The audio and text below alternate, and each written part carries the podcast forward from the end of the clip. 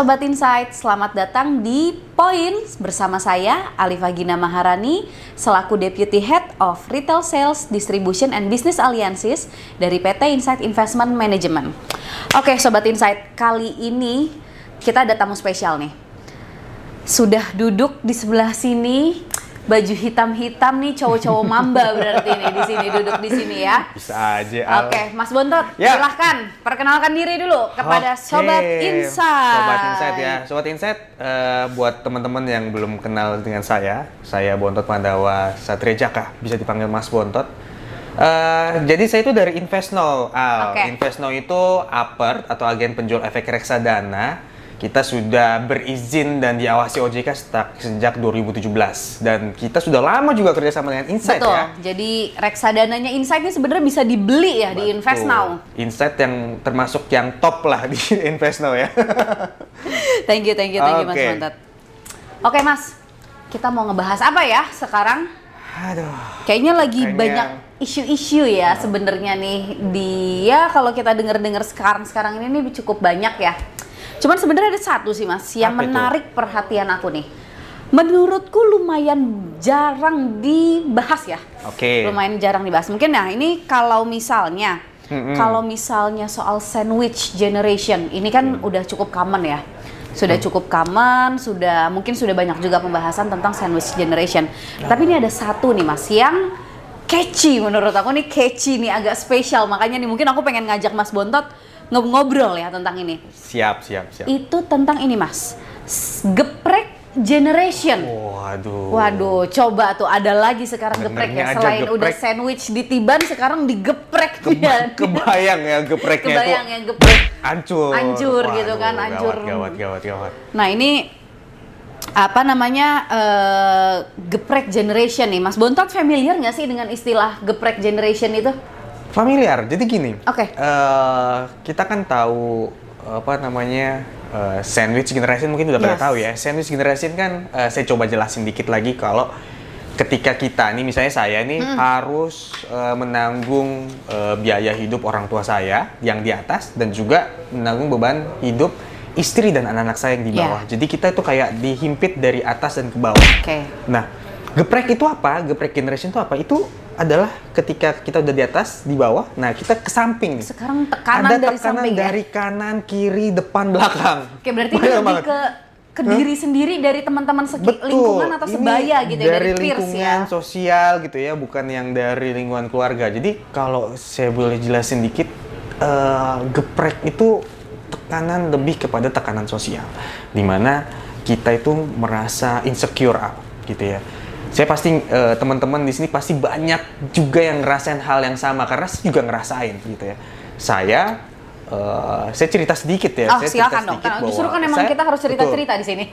saya termasuk geprek eh, generation Al. Oke, gimana Jadi, tuh Mas? eh, ya mungkin teman-teman juga ngalamin hal yang sama. Jadi saya harus eh, membiayai hidup orang tua saya yang sudah pensiun dan juga anak saya. Tapi di satu sisi ada tekanan besar di dalam sosial. Kita lihat di sosial media.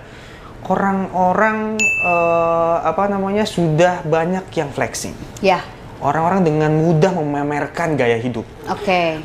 dia punya A, punya B, udah punya C. Bahkan kemarin, ini yang saya nggak habis pikir kenapa harus di eh, di blow up lagi bahwa ada orang yang bilang, wah gajinya satu miliar per bulan. Oke, ada per yang bulan 800 ya? juta per bulan, 600 juta per bulan. Terus saya, saya jadi bingung kok gaji gue segini. Ah, ah, segitu nggak? Ah, Seperberapanya dari segitu. Jangan kasih tahu deh, sedih. kan kita jadi sedih ya dan orang-orang iya. yang eh, apa namanya yang keluarga istri orang tua yang ngelihat hal itu pun juga jadi bertanya gitu Ini anak gua sebenarnya kok sukses kamu- apa enggak sih?" kok kamu nggak bisa segitu sih gitu terus belum lagi tetangga teman-teman wah keren lu ya udah bisa udah kerja di SCBD gitu ya pasti gajinya gede dong gitu ya sama kayak mbak-mbak yang kemarin gitu ya. Kan pada kenyataannya nggak gitu. Betul, betul, gitu kan betul. gaji walaupun kita kerja di SCBD yang keren tapi kan siapa tahu gajinya nggak Betul, ya, nggak semua mendapat juga ya, sama. Betul. gitu. Nah ini yang bikin kita uh, insecure dan juga kadang-kadang uh, uh, juga makin diperparah dengan omongan netizen Betul. gitu yang kadang-kadang ngebully kadang-kadang sok wah pelit atau ah, atau Iya. bagaimana gitu yang kadang-kadang udah nyakitin kita semua Oh ini juga berarti kurang lebih sama seperti ini ya Mas ya. Sering nih umur 25 minimal tabungan udah 100 juta. Nah, itu sempet sempet heboh ya Mas ya. Terus umur 25 harusnya sudah bisa punya apa aja belum, gitu. belum yang kemarin tuh yang ketangkap murah banget aduh Jadi berarti- kadang-kadang hmm. liatnya Oke, jadi ben- sebenarnya jadi geprek generation Eh, ini tekanan sosial itu betul, tadi ya Mas ya. Jadi sosial. eh, yang ngebuat kita sendiri pun jadi goyang ya. Jadi kok orang-orang bisa punya segitu, kenapa kita belum ya gitu. Betul, belum kita, ya kita belum dan sebenarnya kalau saya pribadi gitu ya, eh, saya mungkin eh, untuk gini loh, untuk kita eh, sebagai sandwich generation, ya nggak apa-apa lah, karena kan kita emang eh, disuruh untuk eh, berbakti sama orang tua, Ya. gitu kan, dan Itu juga emang- itu kewajiban. Betul, itu Dan juga buat anak istri, ya udah kewajiban kita Betul. menafkahi, kita tetap juga harus menafkahi mereka. Tapi yang jadi masalah ini ada yang di sekitar kita yang kadang-kadang nggak tahu situasi kita seperti apa, eh, apa namanya terus menuntut di luar kemampuan kita dan nggak tahu prosesnya kita apa dan omongan orang gitu ya, bisik-bisikan orang, mulut-mulut orang yang kadang tak bertulang, itu kadang-kadang blep gitu. Itu yang kadang-kadang kita jadi geprek generation.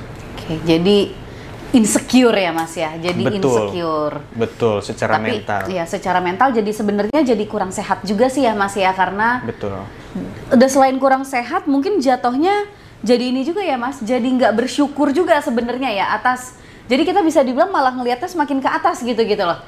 eh kalau kita ngelihat eh dia udah punya ini punya itu gitu gitu kan. Jadi kita sendiri kan selain insecure juga jadi bisa dibilang jadi kurang bersyukur ya padahal mungkin banyak orang-orang yang menginginkan posisinya berada di posisi kita. Mungkin orang lain yang lihat kita, ih hebat ya bisa udah kerja. Betul. Sebenarnya hebat ya punya ini teman karena tekanan-tekanan sosial tadi ya Mas Bontot. Betul, sebenarnya bisa gitu, eh, apa namanya keluar dari jurang itu kan gitu. Karena karena kuncinya lagi-lagi bukan eh, apa ya namanya kuncinya ya memang eh, kalau kita mau gitu ya kita ada caranya nih Oke. gitu ya. Karena karena kita kita harus fokus bukan sama masalahnya, kita harus fokus sama solusinya. Solusi. Dan ini yang akan kita omongin, ya kan? Kita nggak ngomongin masalah doang kan? Betul, betul. Gitu Ini kan? masalah cuman pancingannya Eh, enggak. aja buat dipancing. Saya takut kalian tuh udah frustasi ya. Saya takut kalau kita nggak jelasin solusinya kalian sudah tenang, tenang, tenang, tenang. Sobat ngeliat Insight tenang. Eh, di poin kali ini,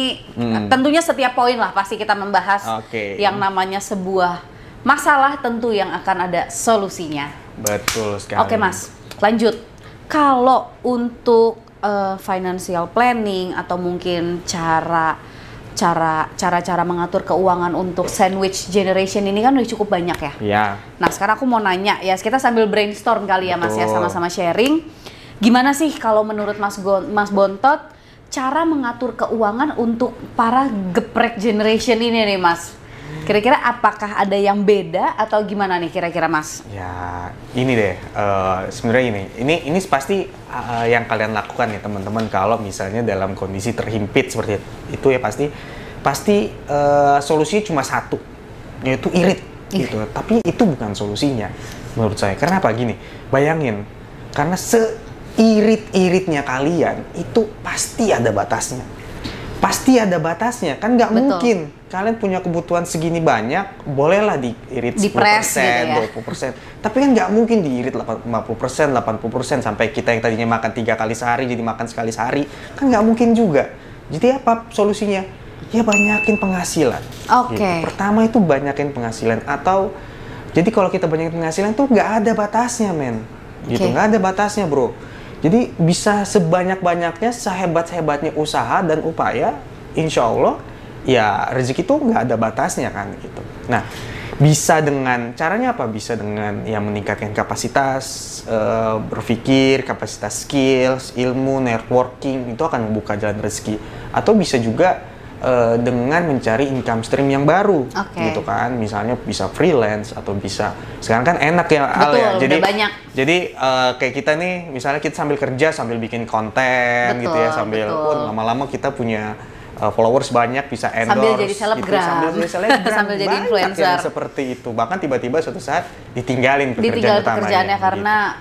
Lebih menghasilkan. Betul, itu contoh yang pertama. Nah, yang kedua itu kalau kita sudah dapat penghasilannya nih, yang tadi poin pertama, ya udah usahain itu nabung gitu. Oke. Jadi penghasilannya meningkat, tapi gaya hidupnya kalau boleh jangan terlalu meningkat Betul. gitu ya. Jadi sedikit-dikitnya tuh nabung Se- sebesar apa diusahakanlah nabung mau 10%, 20% semakin banyak tentu semakin baik. Karena itu akan ngebangun habit kita untuk eh, apa ya? Untuk membangun kekayaan. Betul. Karena Gitu memang ini juga sih ya Mas ya sedikit diskusi nih Boleh, boleh. dari mungkin beberapa sharing sobat insight atau mungkin dari ya pengalaman ya Mas ya yang Hmm. namanya eh bisa menabung Mas. Itu Betul. tuh habit ya. Habit menabung Betul. itu susah loh. Jadi sobat insight nih ya sebagai contoh misalnya ada seseorang nih, ada seseorang yang setiap bulannya nggak pernah nabung Mas, selalu habis selain untuk kebutuhan, sela- eh, untuk konsumtif juga. Betul. gitu jadi full nih pokoknya dia kebutuhan konsumtif. Nggak pernah bisa disisihkan untuk menabung. Tapi tiba-tiba kalau dia disuruh menabung kurangin deh 10% atau 15% untuk porsi menabung dan misalnya berinvestasi gitu. Itu pasti akan berat mas. Karena dia nggak terbiasa gitu. Jadi memang eh, untuk sobat insight teman-teman pokoknya yang namanya bisa menabung bisa rajin menabung itu adalah sebuah habit ya mas ya Betul. sebuah habit. Gitu, jadi habit. jadi apa namanya Mas Bontot nggak dengan tiba-tiba kita bisa langsung aja tuh jadi per bulan nggak biasa nabung tiba-tiba jadi bisa nabung ya itu jarang orang yang bisa kayak gitu gitu ya Mas ya Betul. karena yang tadi Mas Bontot bilang kalau bisa penghasilan bertambah jangan sampai kebutuhannya pun ikut bertambah sama tingginya gitu gitu ya. Kayak gitu. Tapi sulit. Tapi walaupun memang sulit, tapi bukan berarti tidak bisa. Tidak bisa, betul. Gitu. Perlahan tapi pasti ya. Betul. One step at a time kuncinya. Keren Al. quotes ya, sebuah quotes. Oke, Sebuah sobat quotes Insight, Al. quotes kali, kali ini adalah one step at a time. Oke, dicatat ya. Dicatat. Ada tulisan di bawah sini. eh di bawah kayak one step at a time. Ingat. Ingat, ingat. Oke, lanjut Mas. Ada lagi Nah, nggak? Selanjutnya itu kan kalau kita udah bisa nabung, ya pastinya kenapa enggak kalau kita berinvestasi kan gitu. Kan tujuan berinvestasi kan untuk mempertahankan eh, apa namanya ya kekayaan kita kan, ya kan gitu atau menambah juga.